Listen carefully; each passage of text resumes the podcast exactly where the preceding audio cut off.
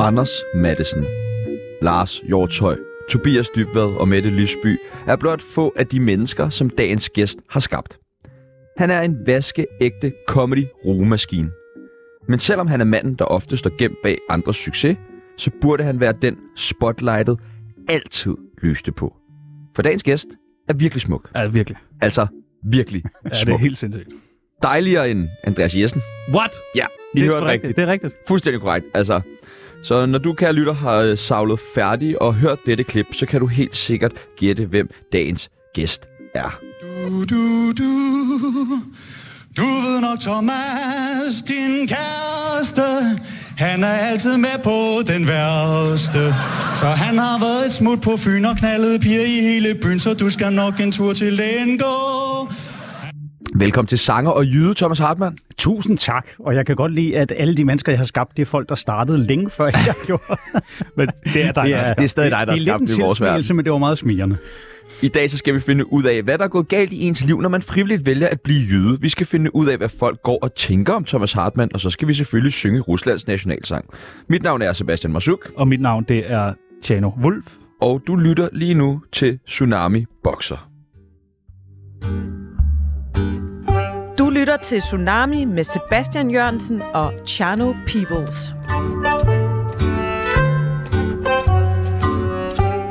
Velkommen til, Thomas Hartmann. Tusind tak. Nu Altså- har jeg med vilje ikke lyttet til programmet, inden jeg kom, fordi jeg kan godt lide at gå uforberedt ind til det. Ja. Men den der intromusik, man føler sig jo hensat til sådan en, en fransk indie-film. Ja, det er Ved, sådan hvor lidt, folk de har syv replikker, og ingen af dem har noget med hinanden at gøre. lidt, og der bliver heller ikke flere replikker i programmet. Det bliver Nej. meget, meget det. Men masser af italiensk folkemusik ja. og lidt noir og sådan. Vi, Ole Mikkelsen vil sige, det er en af mine absolute favoritfilm. der bliver næsten ikke sagt noget, og når der gør, så giver det ingen mening. Det er lige noget for mig. jeg, jeg er lige fyldt 27. Jeg forstår lige knap den reference. Nå, Ja, det er bare lige, så vi ikke er... At, 27? ja, det er bare lige... Ja. Det er en kæmpe fornøjelse. det var jo den er- alder, du var, da du startede.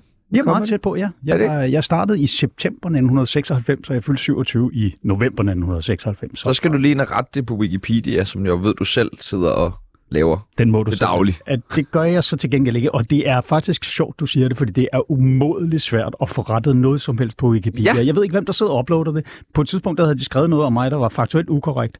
Og jeg selv havde åbenbart ikke autoritet nok til at udtale mig om, hvorvidt det var korrekt Om dig selv. om mig selv. Men den er meget, øh, den er, der, der står meget på din wiki. Der er jo nogle mennesker, der har meget, meget lidt på det her, så er der der har rigtig meget. Du har meget. Der er virkelig meget på det. Ja. Så er der nogen, der bare sidder derude og... Ja, det er en kæmpe fornøjelse, du er med. Vi har, øh, rigtig, vi har jo gæster med hver dag. Lige i dag er vi sådan lidt fanboys. Altså, vi, det er jo virkelig fedt, at Det bliver Thomas nok nødt til at Hartmann, bare deklarere. ja, Thomas Hartmann er med i vores program. Det er ret sejt. Syg! Ja. Nu er jeg rørt. Ja, også det der Lars Lykke og sådan noget, det bliver fint. Det er fucking Thomas Hartmann. Vi skal lære dig bedre at kende. Lytteren skal lære dig bedre at kende, og det gør vi ved det, der hedder en tsunami af spørgsmål. Vi stiller nogle forskellige valgmuligheder. Du skal vælge den ene eller den anden. Er du klar? Jeg er så klar. Komiker eller manusforfatter? Mere. Jylland eller København? Jylland nu. Langt fra Las Vegas eller jul på Vesterbro? Jul på Vesterbro. Kill it bang eller Sill it bang? Kill it bang.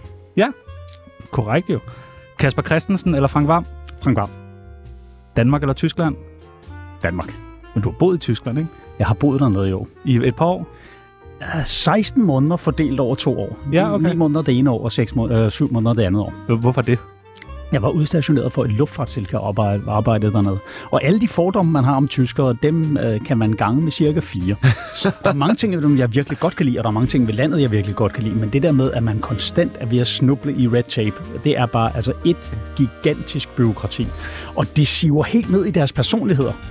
Fordi jeg kunne nogle gange opleve at stå i sådan et lokale, hvor der var 7 voksne mennesker til stede, og fordi der ikke lige var den på hvis skilt, det stod, at det var dem, der skulle tage beslutningen, så ville de hellere bare gå rundt i små cirkler om selv. og det synes jeg, at jeg var et mysterium, fordi jeg var afdelingschef som 23-årig, og når jeg så bare sagde, "Nå, men så gør vi sådan, så bliver det det, vi gør. Så stod bare og stirrede. Og das, das kannst du doch nicht. Dein Vorgesetzter ist nicht hier heute. Jeg tror, er tysk effektivitet og sådan noget. Det var bare... Ja, ja. Når, man, når det først kører i deres systemer, så er det også knusende effektivt, ikke? Og de er grundige, det må man sige. Hartmann X eller Extrospekt? Åh, oh, jeg har jo en, en blød spot for Hartmann X, fordi det ligesom var det, der placerede mig på det komiske landkort. Ikke? Men når det så er sagt, så vil jeg faktisk sige, at Extrospekt måske er et af mine mest joke-tætte shows. Det var også en flot plakat. Det var det. Det var en god plakat. Det var virkelig, og det var også en lækker DVD-udgivelse. Ja, ja, ja. Det kan jeg faktisk takke på styr for, uh, Fridtjof Films uh, postproduktionsafdeling, fordi den var egentlig den burde have været langt dyrere, end det vi havde afsat til det. Men så blev vi enige om, at nu bliver det lidt en showcase for jer, og så bliver det lidt en- showcase for mig. Og så havde de sådan en programmør, der sad og lavede menuerne derude, som bare gik fuldstændig haywire. Og det var med 3D, og hvis du trykkede på den ene ting, så fadede det den ene vej, og den anden ting, så fadede det den anden vej. Det var faktisk så vildt, at Mikke Øndal havde en udgivelse på vej ud på det tidspunkt, hvor han bremsede hele udgivelsen og sagde, prøv at, det, da han så, hvor lækkert mit cover det var blevet. Ikke? Så er Og jeg han ikke bare sagde, det, er, det, det skal vi lige have lavet om.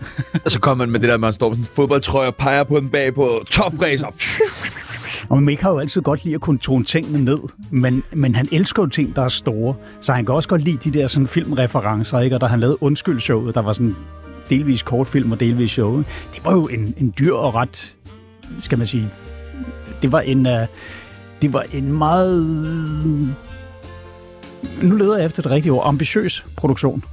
Ja, der blev lige produceret en film Ja. og et show. Ja, en film med Kim Botnia, altså. Ja. Det er sindssygt nok faktisk. Storhedsvandet. Røv eller patter? Røv. Ungdom eller alderdom? Alderdom. Martin Vels eller Anders Fjeldsted?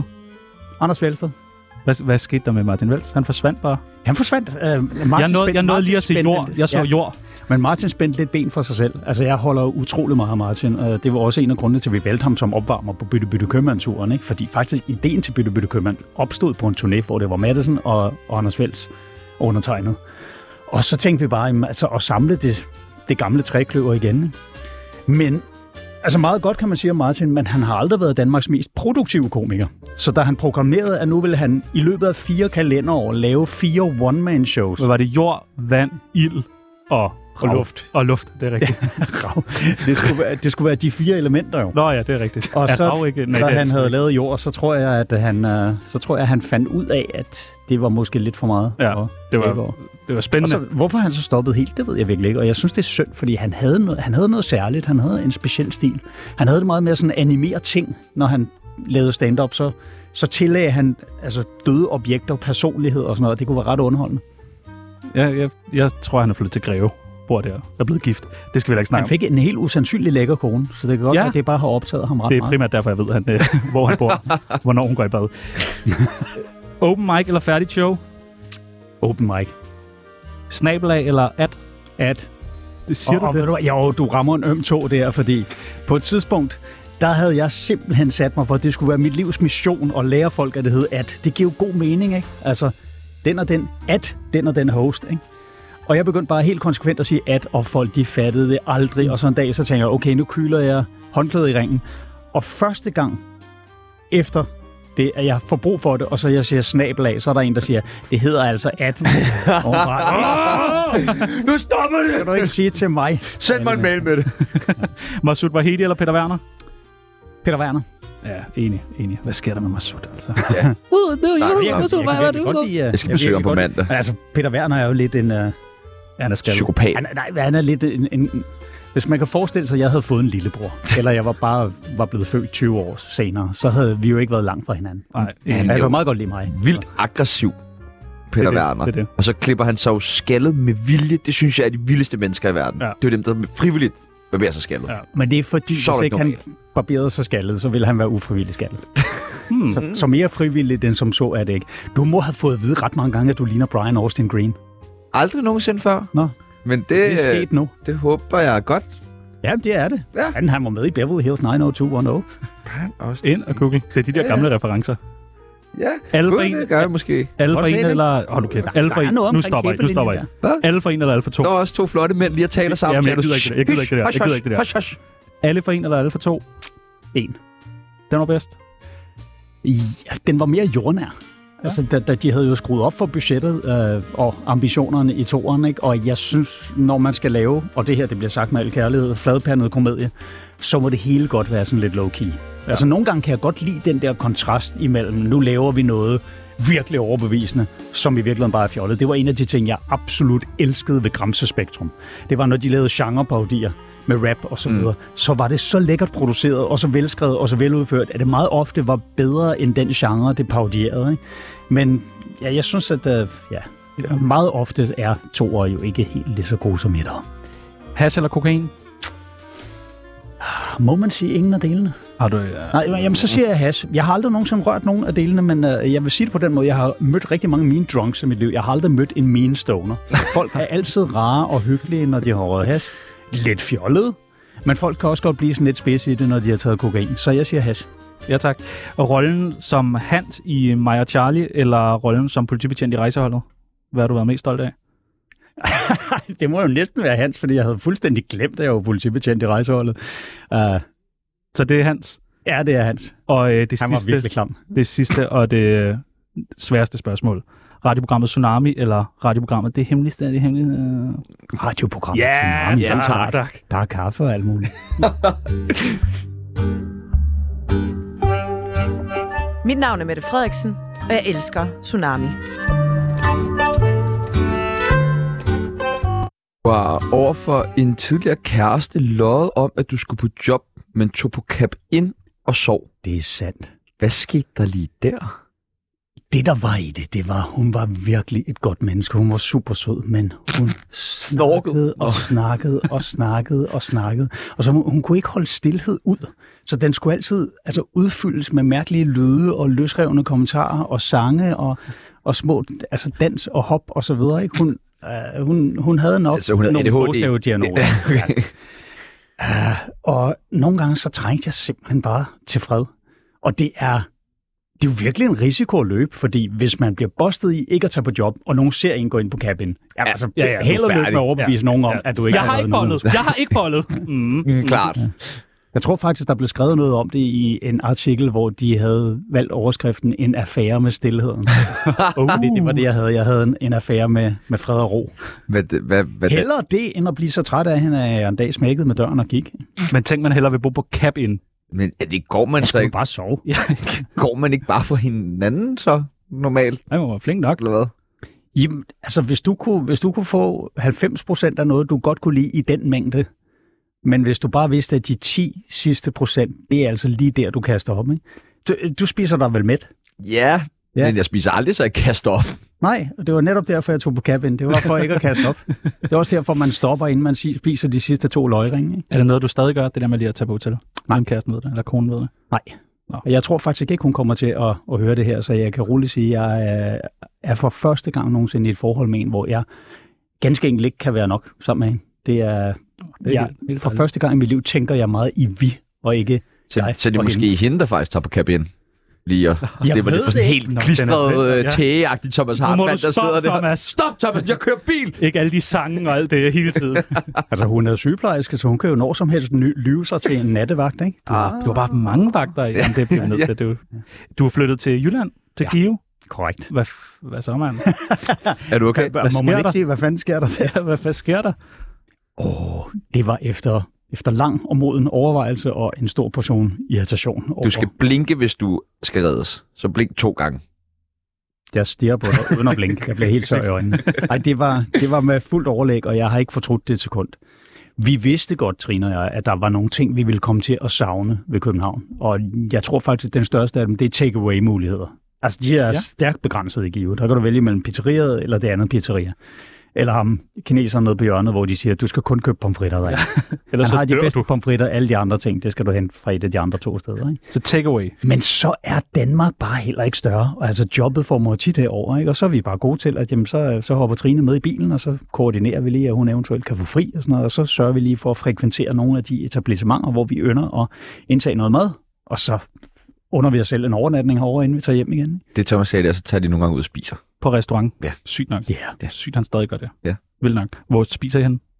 Yeah. vi er meget glade for uh, ramen Tobiro. Åh, Så er det også godt. ja, det er også Meget virkelig. glad for ramen. Du Hvorfor har- har du aldrig været med i Klov? Uh, jeg er ikke så meget en, uh, som mine kolleger tager med i ting. Nå, Men folk vil som regel rigtig gerne have mig til at skrive på tingene, og øh, jeg, jeg ved ikke, det, jeg, på et eller andet tidspunkt har jeg fået et stempel, der hedder, han kan ikke spille skuespil. Og så er der ikke nogen, der har Givet haft de chancen? store intentioner om at give mig en chance for at modbevise det. Har du gerne ville? Ja, ja. Føler du dig efterladt? godt spørgsmål. Altså forbigået Nej, efterladt. er nærmest hver dag. Efterladt. Jamen, altså, jeg, jeg tror faktisk, det hører med til langt de fleste komikers karriere, at de føler sig overset på et eller andet plan, og undervurderet på et eller andet plan. Jeg havde en køretur på et tidspunkt til øh, Odsherred Teater, hvor vi har sådan nogle klubshows, hvor jeg sidder sammen med en af de relativt nye komikere, der hedder Sisse. Skide dygtig. Og hun sad og var lidt utilfreds med, ja, men så var der sket det for den og den, og hvornår blev jeg spurgt om det, og sådan og sådan, og hvor jeg sagde, Sisse, prøv at høre. Du bliver nødt til bare at fokusere på det, du selv laver, og så se, om ikke du kan ignorere det, de andre laver. Og, og jeg ville ønske, at der var nogen, der havde givet, mig- givet mig det råd, og jeg havde lyttet til det, fordi det er simpelthen, det er kilden til evig ulykkelighed. Og så sagde jeg til hende, hvis jeg havde haft et lille kamera siddende i forruden på mine respektive biler igennem alle de år, hvor jeg har kørt rundt med andre komikere, så kunne jeg lave en meget lang og meget interessant dokumentar om en branche, hvor alle på en eller anden måde er en lille smule utilfredse. Hvorfor er det ikke Altså, mig? ja, det kan jeg godt Jamen forestille dem, der har de store salgstal, men får de lidt sløje anmeldelser, de er sådan lidt, hvorfor kan Henrik Palle ikke lide mig? Og så folk, der får, du ved, 5 og 6 stjernede anmeldelser, man max sælger 7.000 billetter per tur, ikke? er sådan lidt, hvorfor er det folk, de ikke kan lide det, jeg laver, og jeg vil det også gerne. Og der er altid et eller andet, ikke? og så vil de gerne have kollegernes respekt. Og, altså selv sådan, en, selv sådan en som Madison kan jo, som jo har både anmelderne og publikum og kollegernes respekt, er altid en lille smule urolig for, at kollegerne ikke ser ham som den, han var engang med. Har du spurgt nogle af dine kollegaer, hvorfor ikke mig? Ja, men der er altid alle mulige udflugter. Okay. Sygt nok. Sygt. Ja, men jamen, det er også, det er også en, en samtale, det er lidt svært at, at tage. Men det er der, altså jeg har da tænkt over det der med, at jeg meget ofte har taget folk med på deres første klubture og anbefalet dem til byrådet. Simpelthen ringet til vores booking- og managementbureau og sagt, jeg tror simpelthen, hun er klar nu. Jeg giver hende en klubtur, og så arbejdet med folk og givet dem gode råd og så videre. Ikke?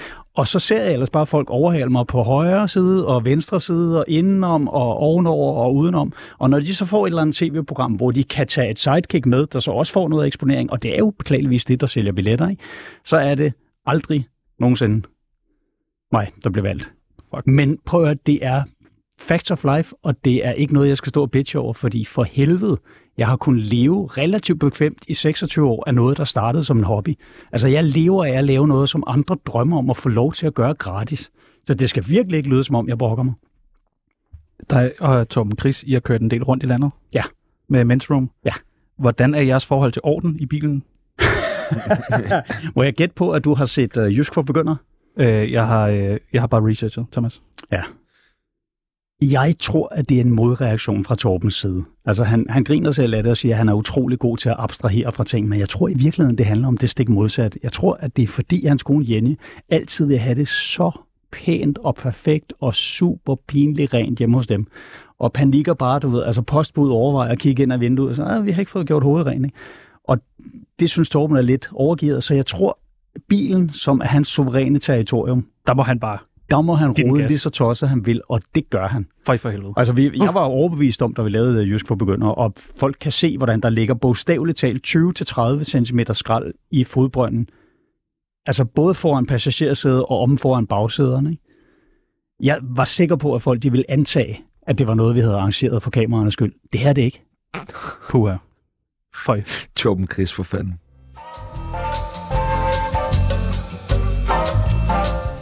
Hvad fuck ved du, Henrik Palle?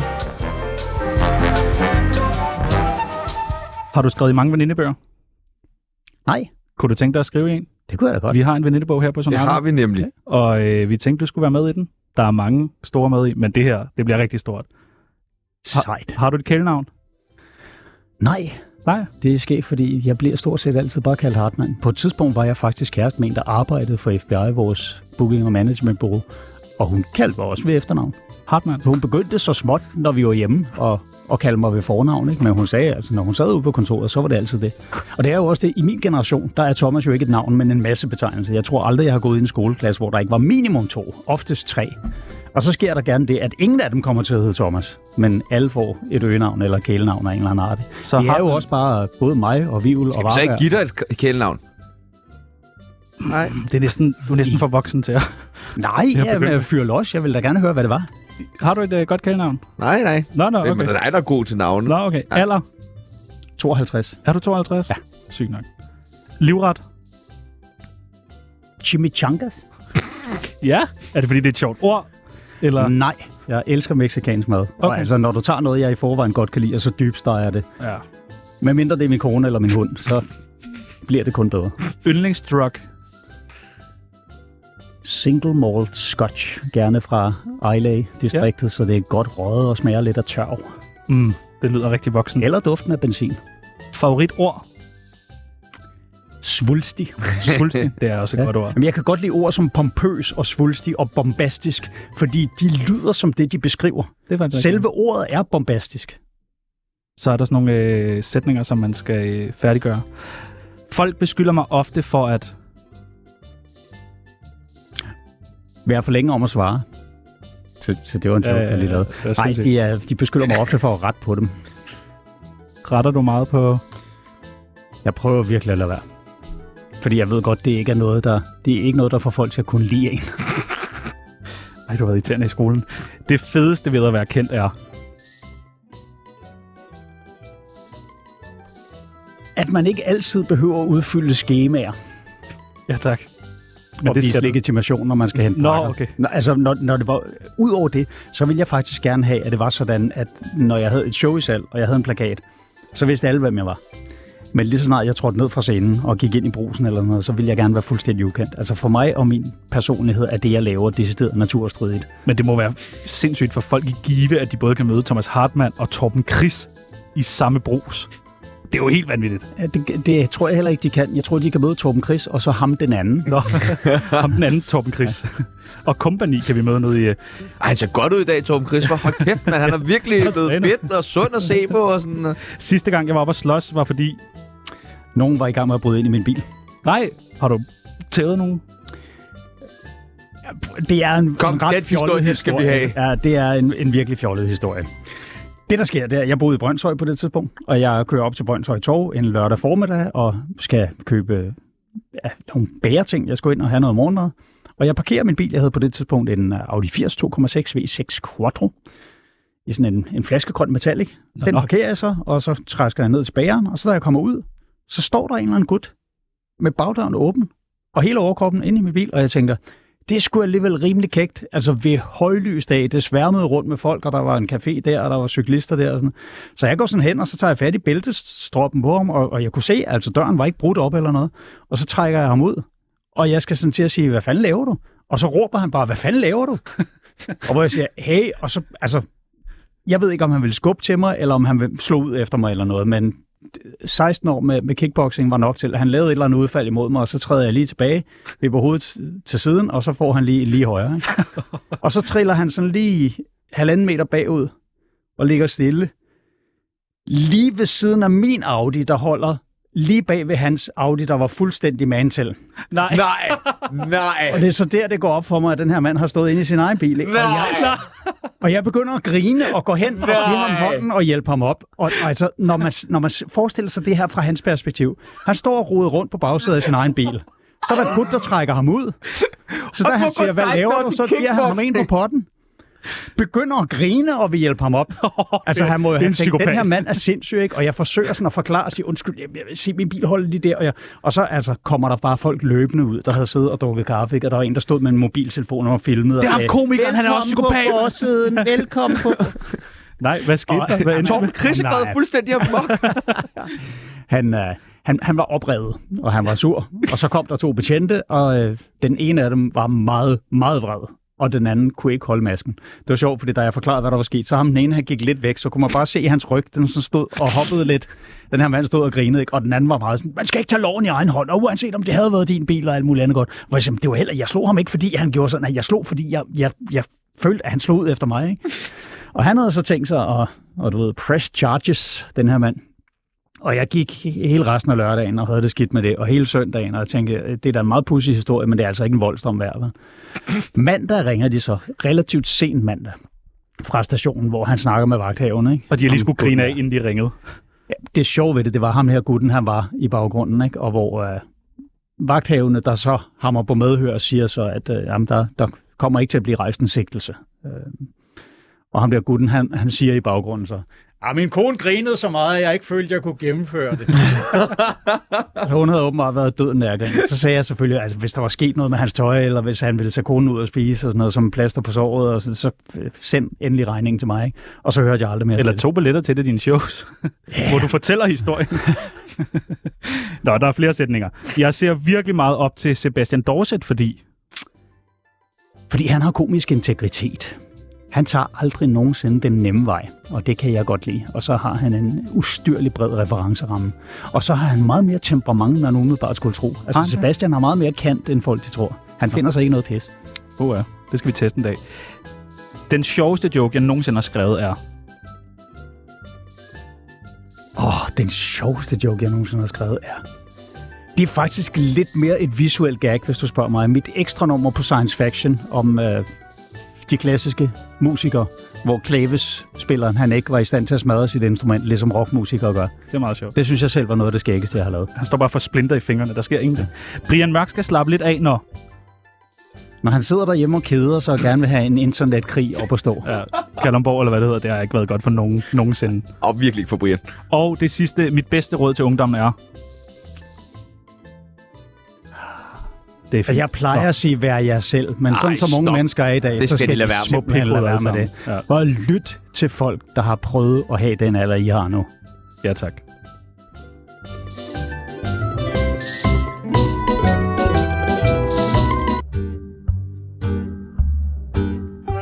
Mit navn er Brian Sandberg, og jeg har godkendt Tsunami.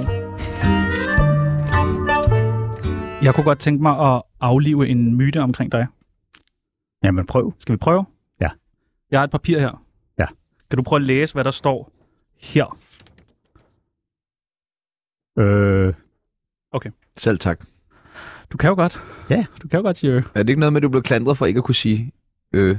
Jeg fik engang en anmeldelse, ja. hvor anmelderen decideret skrev, at han havde givet fire og ikke fem stjerner, fordi lidt mere ø og famlen ville klæde showet. At jeg simpelthen virkede lidt for sikker i mit materiale og min levering, så det kom til at virke indstuderet. Men sagen er, hvis han havde tilbragt tid sammen med mig privat, så ville han have vidst, at det er heller ikke noget, jeg siger normalt. Jeg kan godt holde en kunstpause og lige vente på det rigtige ord. Men jeg ser ingen grund til at fylde ventetiden ud med den mest bøvede vokal, vi har i det danske sprog. Øh. Nå, det, jeg synes, det er rart, at du rent faktisk at du kan sige de par bogstaver. Jamen, nogle gange skriver man det jo også lidt ind. Sådan, hvis man har en bit, hvor der er en, sådan en opstillet dialog imellem to mennesker, så kan man jo godt som sådan en reaktion på noget sige, øh, det, det, det, det, det ved jeg ikke. For at få det til at lyde lidt famlende, ikke? Ja. Men hvis jeg gerne vil fra A til B, Så er der ingen grund til ø. nej overhovedet ikke. Nej, godt. Godt, godt, godt. Og i øvrigt så er det jo, det er jo en illusion, det der med, at det hele det opstår her nu. Ikke? Der er nogen, der er vanvittigt gode til at formidle den illusion og holde den i live. Altså Christian Fuglendorf er jo eminent til med bittesmå, altså diminutive, mimiske virkemidler, og få det til at se ud som om, hov, nu kommer jeg lige på noget nyt. Ikke? Det er han absurd dygtig til. Og så kombineret med hans i forvejen ret stærke materiale, ikke? så gør det altså bare, at folk de sidder og tænker, manden er jo geni. Det er han jo også, men det hele er timet til ret langt. Du var vært på, tv-vært på programmet Nørden, eller Skønheden og Nørden, Ja, det er sandt. som du var helt vild med Sygt nok. Hvad handlede det om? at være vært på. Faktisk så, jeg synes faktisk, at det var en, et positivt tiltag og en, uh, en positiv oplevelse. Jeg har mine reservationer i forhold til, uh, i forhold til reality-deltagere og i forhold til deres motivation. Og i, også i forhold til den måde, programmerne er sat op på. Fordi meget ofte er det jo et spørgsmål om, at man tager nogle folk, som man så sætter i en, altså nogle folk, der måske er nøje udvalgt, fordi de døjer lidt med manglende impulskontrol. Og så sætter man dem i nogle situationer, hvor de efter al sandsynlighed kommer til at, at miste besindelsen, eller du ved, drikker sig fulde og gør noget dumt eller noget, så spiller man dem lidt ud mod hinanden, og så bruger man deres interne stridigheder som underholdning. Og jeg kan godt se underholdningsværdien i det, men jeg har meget svært ved at se den moralske værdi i det. Da de så spurgte mig i forhold til det her program, så var jeg sådan lidt, hvad går det ud på? Og så lød det for mig, som om det faktisk var et program, der handlede om at få deltagerne til at indse, at de havde mere til fælles, end de umiddelbart regnede med. Og bringe folk lidt tættere sammen. Og det synes jeg var en, en udmærket strømning. Og det var så omkring 10 procent af grunden til, at jeg sagde ja. Og 90 procent af grunden til, at jeg sagde ja, var, at jeg havde lige købt hus, og udsigten til at tjene, jeg tror, det var omkring 230.000 i løbet af en måned og et par dage, det siger man ikke nej særdeles tillokkende. Og det er bare ret med et ærligt svar for en gang Jamen prøv at de fleste mennesker går jo på arbejde for pengenes skyld. Ja, Så er jo rigtig mange, altså jeg elsker da nogle af de klubjobs, jeg har. Jeg elsker at tage på open mics og sådan noget, men størstedelen af de firmajobs, jeg tager ud og laver, dem laver jeg da kun, fordi man giver mig penge for det. Er du egentlig ikke lidt for pæn til at være komiker?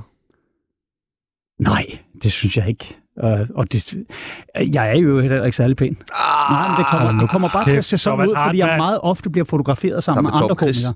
Åh ja, men det er det. Nej, men hvis man kigger på USA og England og sådan noget, der har de ikke den der under... Fordi der har i mange år været sådan en tendens i Danmark til, hvis ikke du ser sjov ud, så er du ikke sjov. Vel? Så, eller så, man skal i hvert fald kæmpe noget hårdere for at bevise det. Ikke? Folk havde sådan en, en fast forestilling om, hvordan en komiker skulle se ud. Men jeg tror sgu folk, de er lidt på vej væk fra det nu. Og som sagt, altså i det store udland, der har det aldrig rigtig været et issue. Ah, Men sådan, sådan en som Jacob Wilson, som jo egentlig er meget sjov, han er også bare sådan, han ser bare godt ud. Det er derfor, han er ikke blevet større, tror du ikke? For jeg har faktisk ikke nogen god forklaring på det, fordi jeg forstår ikke helt fænomenet Jacob Wilson. Jacob er jo en, en teknisk virkelig dygtig komiker, og, øh, og han er også relativt produktiv, og han har været i mange af de positioner, hvor man normalt altså kan sige, grunden til, at den og den og den Ja. ikke er eksploderet, Bingo er, at folk ikke har set dem. Jamen, han var bingo bango vært, og det var kun Simon, der stak af. Til trods for, at sædvanligvis på lidelige kilder lod mig vide, at det var nok Jakob der lavede størstedelen af arbejdet, var mest struktureret. Jeg ved ikke, om det er sandt, men det hørte jeg.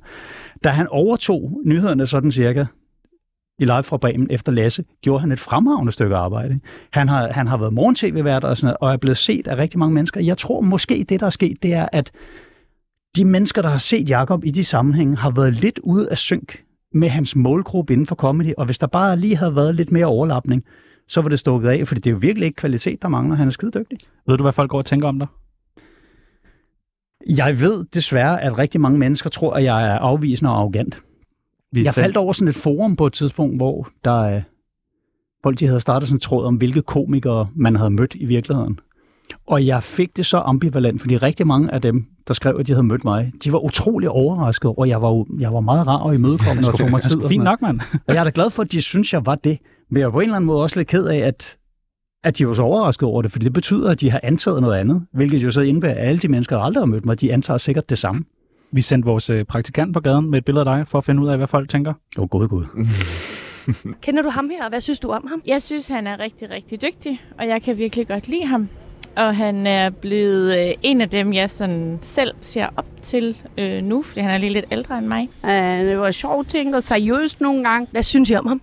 Jeg kan super, du skal, sige- du skal lige tilbage. Jeg kan virkelig godt lide ham. Jeg synes, han er mega sjov. Han er nok en af Danmarks sjoveste. Jeg tror, der er unge piger, vil synes, han var ret nuttet. Hvorfor griner I? Det er bare lidt frækt. Altså, han er bare lidt fræk. Det kan man vel godt sige. Altså, ja, det er et dejligt billede. Hvordan ser han ud? Meget muskuløs og sådan trænet. Ja, sådan bad boyish. Jeg tror, han er stripper. Min kæreste, hun kan nok bedre fortælle om ham. Hvad synes din kæreste om ham? Øh, hun synes nok, han er fin. Hvad synes du om ham? Kan du beskrive, hvordan han ser ud? Han er meget muskuløs, jo. Det er det, folk går og tænker. Ej, men I må også have redigeret noget fra. Der må, have, Ja, der, der ja, må være meget- nogle mennesker, mange der har sagt. Selvfølgelig har vi da redigeret noget fra, jo. Det. Altså, min, uh, min kone Trine, hun har sådan en, en gylden lille talemåde, som hun kom med en dag, hvor hun bare siger, alle er vi nogens Tina Lund. Fordi hun og jeg, vi relativt tidligt i vores forhold fandt ud af, at vi begge to havde en vis antipati over for Tina Lund, som sikkert er fuldstændig ufortjent, men der er bare nogle mennesker, som stryger en mod hårene. Ikke? Og jeg oplever sådan en dag, jeg går i Aarhus, og så går der to piger forbi mig, i modgående retning, og de går og har godt i, altså godt i gang med en eller anden snak, ikke? og den ene hun går bla bla bla og snakker, og da hun så får øje på mig, så siger hun bare, Åh! Og hendes veninde siger sådan, altså da de har passeret mig, ej slap dog af, det kan man sgu da. Og hun siger bare, nej, men jeg kan ikke døje ham. og jeg var ved at knække sammen af grin. Fordi det var så, det var så utilsløret, og det var så spontant, og det var så ægte. Og da jeg grinende fortalte Trine om det, så trak hun bare på skuldrene og sagde, alle er vi nogens Tina Lund. Og Og jeg synes bare, det er sådan en smuk betragtning, det der, at man skal huske, at jamen, altså, der, er- der er nogle mennesker, der ikke kan døje en, og det er bedre, at de ikke har nogen grund til ikke at kunne døje en. af en eller anden grund, føj. Jamen, jeg har det lidt sådan, altså hvis folk kender mig og ikke kan lide mig, jamen, så har jeg noget, jeg skal tænke over. Hvis folk ikke kender mig og ikke kan lide mig, jamen, så har de noget, de skal tænke over. Det er sandt. Vi havde øh, Astrid Olsen med i går. Kender du hende? Nej. Influencer. 150.000 følgere på Instagram. Og, jamen, det er lige sådan nogle mennesker, der går min næse forbi. Hun vidste udmærket, hvem det Ja. var. Ja, og hun havde et spørgsmål til dig. Ja. Er Hvor mange penge skal han have for at lave en videohilsen? Oh, det er meget spændende. Til dig? Ja, til mig. Laver du videohilsner? Jeg laver videohilsner gratis. Jeg er inden for What? det sidste år blevet spurgt af fire eller fem forskellige af sådan nogle websites, der sælger videohilsner. Hvis folk de tager sig sammen og skriver til mig og spørger, om jeg kan gøre det, så gør jeg det. Jeg, og jeg øh, glemmer det kun en ud af 20 gange. Øh, men jeg synes, at det er usmageligt at tage penge for det af, Jeg skriver til dig senere. af folk, der er ens. Hørte du det, Brian Sandberg? Ja. Ja. Det er usmageligt at tage penge for det. Det sagde Thomas Hartmann nemlig i vores radioprogram. Brian lytter med. Så nu har I både sagt det til Brian Sandberg og fortalt ham, hvilken by jeg lever i. Held og lykke, mand. Nej, du har gået til det der kung fu, eller hvad du kaldte det. Ja, men det er, jeg kan da sikkert også parere en kugle. Vi har øh, faktisk øh, en lytter, der har ringet ind, der gerne vil stille dig et spørgsmål. Hej, øh, Aske, er du med? Ja, det er jeg i hvert fald. Hej, Aske. Hej, Aske. Først har jeg lige brug for at sige noget. Ja. Fuck dig, Tjerno! Enig, enig, enig, enig. Øhm, øh, og så var det fordi Thomas Hartmann, fuck, du er så sej. Du er så god til det der med, når du øhm, improviserer. Hvordan fanden kan du... Hvordan, hvor, hvordan kommer det? Er, det? er det? er det nogle jokes, du har i forvejen, som du kan lægge det ind på? Eller hvordan, Nej, hvordan øh, gør jeg, jeg, kan ikke helt, jeg kan ikke helt forklare det, men det der sker, det er, at man kommer faktisk tit ned fra scenen. Det er jo meget ofte, når jeg laver Brian Mørk Show live, som jo er improviseret fra start til slut, at man decideret sidder og bliver overrasket over de jokes, man selv kommer med, fordi det er som om underbevidstheden i ens hjerne finder et eller andet gear, hvor man ikke bevidst er med. Nogle gange så påbegynder man simpelthen en joke, uden at vide, hvor den ender. Og det er den eneste situation, hvor man kan overraske sig selv med en joke. Og det er derfor, vi tit knækker sammen, når vi laver det. Det er, fordi vi simpelthen ikke regnede med, at vi ville sige det, vi, vi sagde. Var det svar på dit Så spørgsmål? jeg, Aske? så jeg kan desværre ikke svare dig på, hvordan vi gør. Det er bare ved, Det øvelse. er bare... Det er en kunst. Det er kunst, det er det. Jeg tror, jeg tror Jamen, også det- lidt, det er et håndværk, fordi når man har skrevet jokes i så mange år, jamen så kommer det jo sådan lidt ind på ryggraden, lige så vel som en guitarspiller, han ikke tænker over, hvor han sætter fingrene, når han tager grebet. Men, Så men Thomas, er al kunst ikke også en håndværk? hvis man bliver god nok til det, så er al håndværk en kunst. Tak fordi du har ringet ind, mand. Ja, tak fordi jeg måtte komme ind. Selvfølgelig. Selvfølgelig, du ringer bare... fedt program. Ja, er fandme, I er fandme i orden. Jeg synes fandme, I griner. I lige måde. Jeg synes også, du, Tak. du er cool. Fedt, mand. Tak for det, Aske. Du, og jeg ringer ind i igen i morgen, der har vi Bossy Bo med. Åh, oh, sejt. Nej, Bossy med. Bossy, Ja, Bossy er jeg er fucking med. med. Hosleren. Sådan. Så vi tales bare i morgen, Aske. Ja, det skal i orden. Det er godt. Samtidig samme sted. Det er i orden. Det er godt. Hej. Den gode gamle Bo, ham, har jeg jo, ham kender jeg jo lidt til. Bossy. Han producerede jo vores musik på jul på Vesterbro. Ja, Ja. okay. Som du skrev. Nej, jeg, jeg skrev, jeg tror, tre eller fire sange. Ja, og, Og så skrev så jeg hele julekalenderen. Og så, nej, jeg skrev halvdelen af julekalenderen. Vi skrev 12 afsnit hver. Det er sygt nok. Vi sad simpelthen, altså Nikolaj Pajk og Mettesen og jeg, vi sad og brainede på hele det sådan samlede handlingsforløb fra start til slut.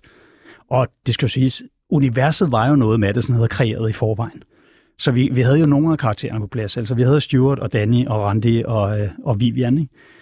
Og så måtte vi så finde på nogle af de andre med, Og med Arne også. Greta. del af- Nej, ja, Arne, men han var jo sådan set, han var kommet senere til. Det var to øh, universer, der Ja. fusionerede, fordi han var jo fra Terkel Ja, universet, hvor Stuart så også røg ind over på et tidspunkt. Ikke? Og så sad vi så og blev enige om, at det her det er simpelthen handlingen fra start til slut. Ikke? Og så gik vi hver til sit, og så Nikolaj Pajk, han delte det ud i små portioner, simpelthen 24 små portioner, fordi han har det store kølige overblik i forhold til dramaturgien. Og så skrev Anders og jeg 12 afsnit hver, hvor vi selvfølgelig lige koordinerede, ikke? fordi vi vidste.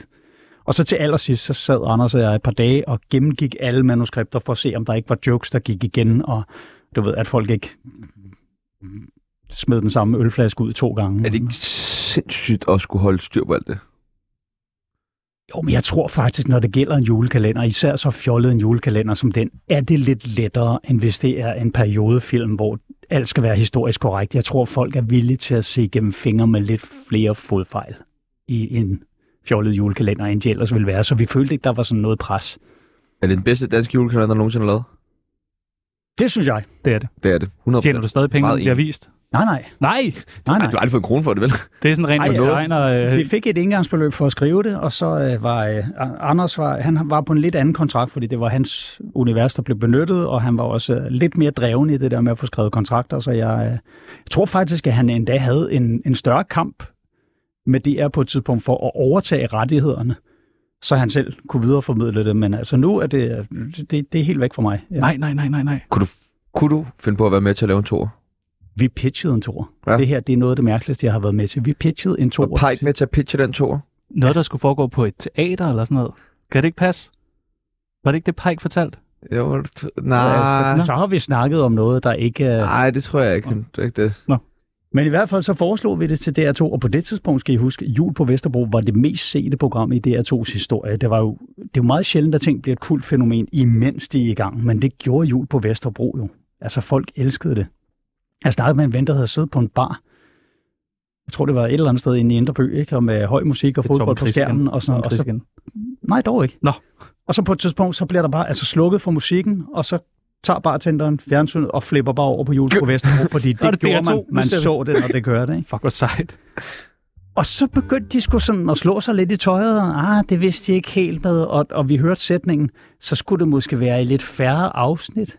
Jamen, Det er julekalender. Det er ju- What?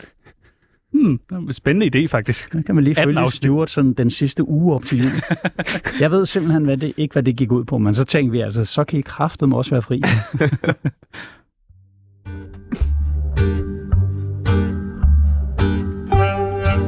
På vegne af Tsunami, undskyld for helvede.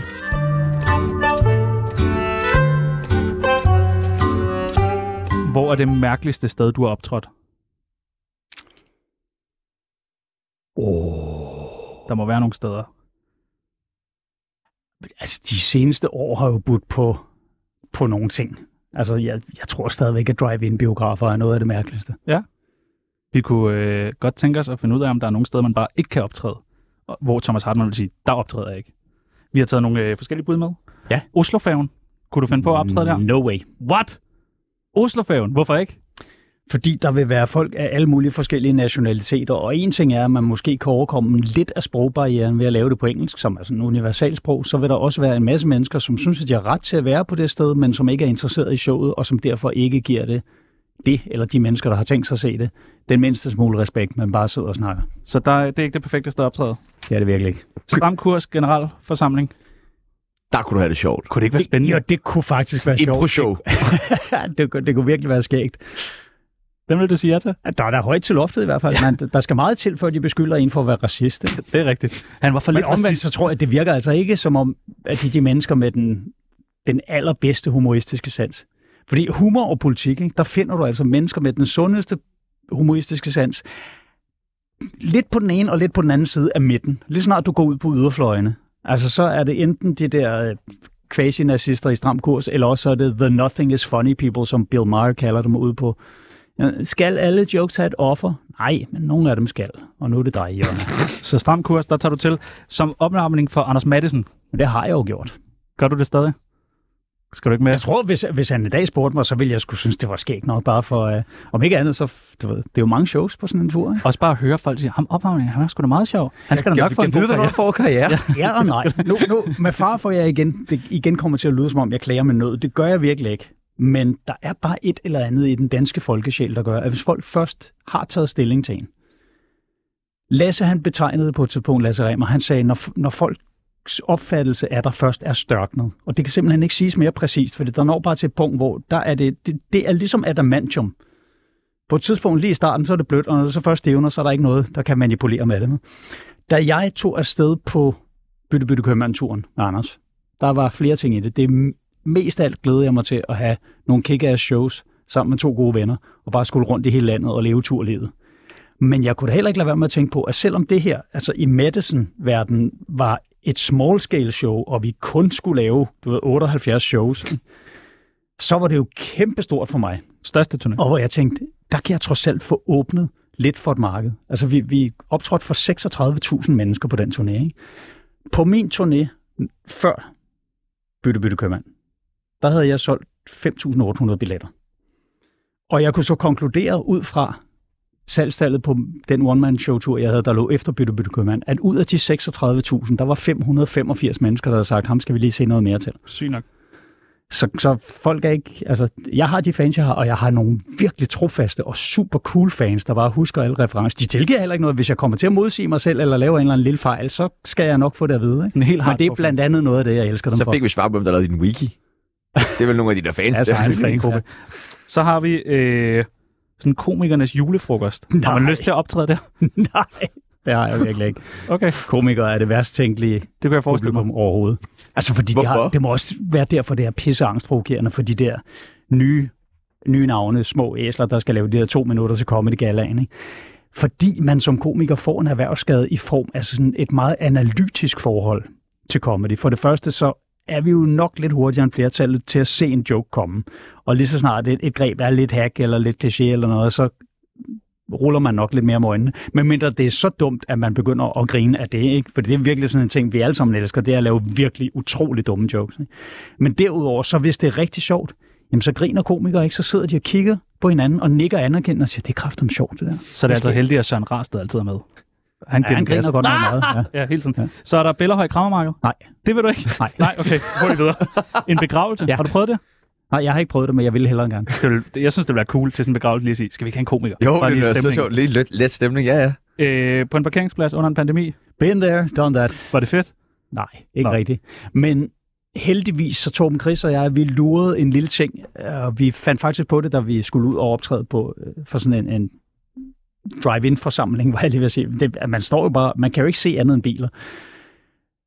Ud i Ballerup, at vi frem for at lave en gang 20 minutter hver, så gik vi begge to på scenen og lavede så to gange 20 minutter. Fordi så havde vi sådan lidt hinanden at spille bold op af, ligesom vi er så vant til fra men's showsene. Og så begyndte vi faktisk, da vi lavede en masse online shows under lockdown, at vi så også var to til det. Og det gjorde bare, at det levede en del mere. Altså det kunne godt lade sig gøre. Jeg ved, Jakob Svendsen også lavet en, en masse online shows, og jeg lavede også nogle alene, og Torben lavede nogle alene, men det var klart at foretrække at være et par stykker. Ikke? Så de var ikke... Så under næste pandemi, der hopper du på parkeringspladsen igen? Det, der var så skønt under den pandemi, det var at se, hvordan folks vilje, den bare rykkede sig.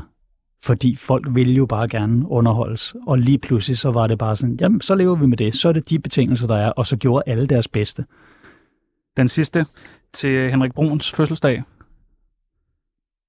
Hvis jeg kan se en liste over de mennesker, der kommer ja, tak. som gæster, Okay. så måske. Spændende. Hvem skal ikke komme? Henrik Der skal ikke, nej, der skal ikke komme for mange af sådan nogle øh, lokale forretningsdrivende, som synes, at de er nogle hotshots, fordi de har købt en, en svanekøkkenet franchise i Vordingborg og sådan noget. Der, nogle af de værste mennesker at optræde for, det er sådan nogle, som, som ikke altid har været rige, men er blevet det. Ja. Fordi de meget ofte får sådan lidt, "Nå, nu, nu skal det hele være fint. Ikke? Og så er det ligesom om, deres smag ikke helt følger med, med de regler, de gerne vil sætte op for sig selv. Og nu skal jeg selvfølgelig lave det over en kamp, fordi naturligvis er der undtagelser. Men sådan helt generelt, så øh, 17-årige og så folk, der er nyrige, er frygtelige at optræde for. Nå, spændende. Jeg håber, jeg kommer med til Henrik Bruns fødselsdag. Ja, det siger du altid. Det er en Jeg har mærkelig mål at have siden er i... Nej, nej. Jeg er så bare fascineret over ham. Du sagde da bare, jeg ved med Thomas Hartmann hader Henrik Brun. Det sagde Jeg har bare en idé om. Det sagde jeg. Nej, det gør, det gør jeg bestemt ikke. Jeg talte faktisk med Henrik Brun for et lille stykke tid siden. Han har jo ligesom været, han har holdt sig uden for branchen et godt stykke tid. Ikke? Men øh, ja. Ja, tak. Han optræder stadig. Ikke? Gør det? kan høre ham til private fester. Og Nå. Du lytter til Tsunami. Han laver sådan noget børnetryl. af Felix Schmidt. Ja, det er rigtigt. Jeg har faktisk set ham trylle til en konfirmation engang. han er altså vildt god til at lave ja. tryl for de der børn. Altså vanvittigt god til det. Ja, det er rigtigt. Hvad er det værste stand-up job, du har haft? Det var på et tidspunkt, i, nu skal jeg ikke sætte navn på, men det var et, et sted oppe i Nordjylland, hvor der var nogle sponsorer for det her sted, vi var på, og det var faktisk lige den der kategori af mennesker. Jeg ankommer i god tid til mit job og bliver modtaget af en kontaktperson, som ikke er fuld, men stiv. altså sådan ravende stiv. Ikke? Og jeg bliver sat op i et lokale og venter i 38 minutter, hvilket er 8 minutter mere end det tidsrum, jeg skulle have optrådt i. Altså 8 minutter fra det, der skulle have været showstart. Så kommer jeg ned i det her lokale, og der er sådan to store døre, to store glasdøre nede i enden af lokalet, der fører ud til sådan en marmorbeklædt hall, hvor der er et andet selskab, der holder fest, og det er der, de er gået ud og har stået og drukket. Og da jeg beder om måske lige at få lukket de døre under showet, så bliver der rullet med øjnene og sagt, altså lad nu være med at være så besværlig. Ikke? Så sad folk ved sådan nogle runde borde, hvor de sad fire ved hvert bord. Så det vil sige, altså 25 procent af dem sad jo med ryggen til mig.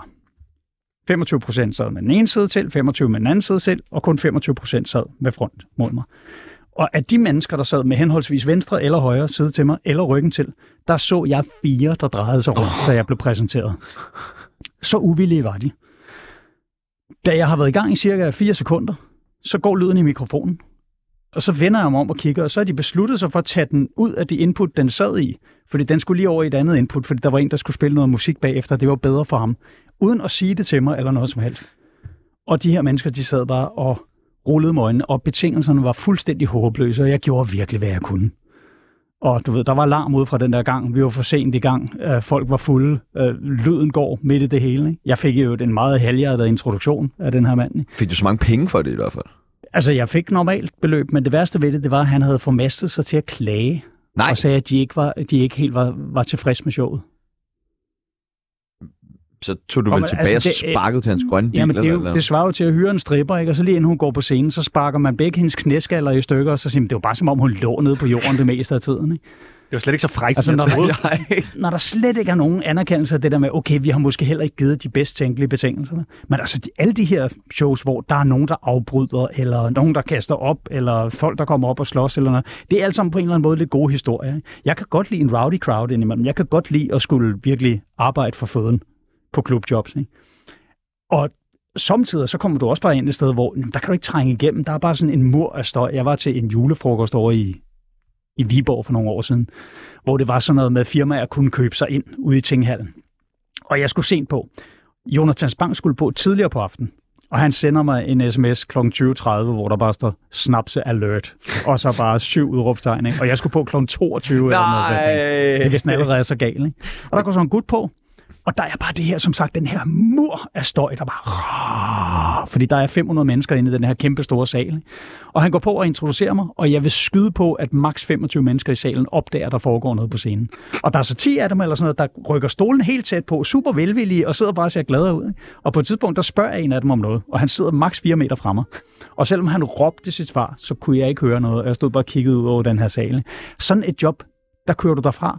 Efter to minutter trækker du på skuldrene og tænker, der er ikke nogen, der kunne have gjort noget.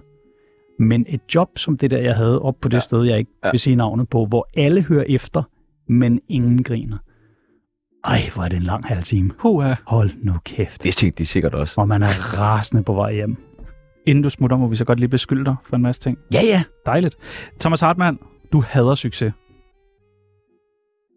Det, det skal jeg lade være usagt. Jeg har aldrig smagt den. Ej, stop, stop. Thomas Hartmann, Henrik Brun har skabt din karriere.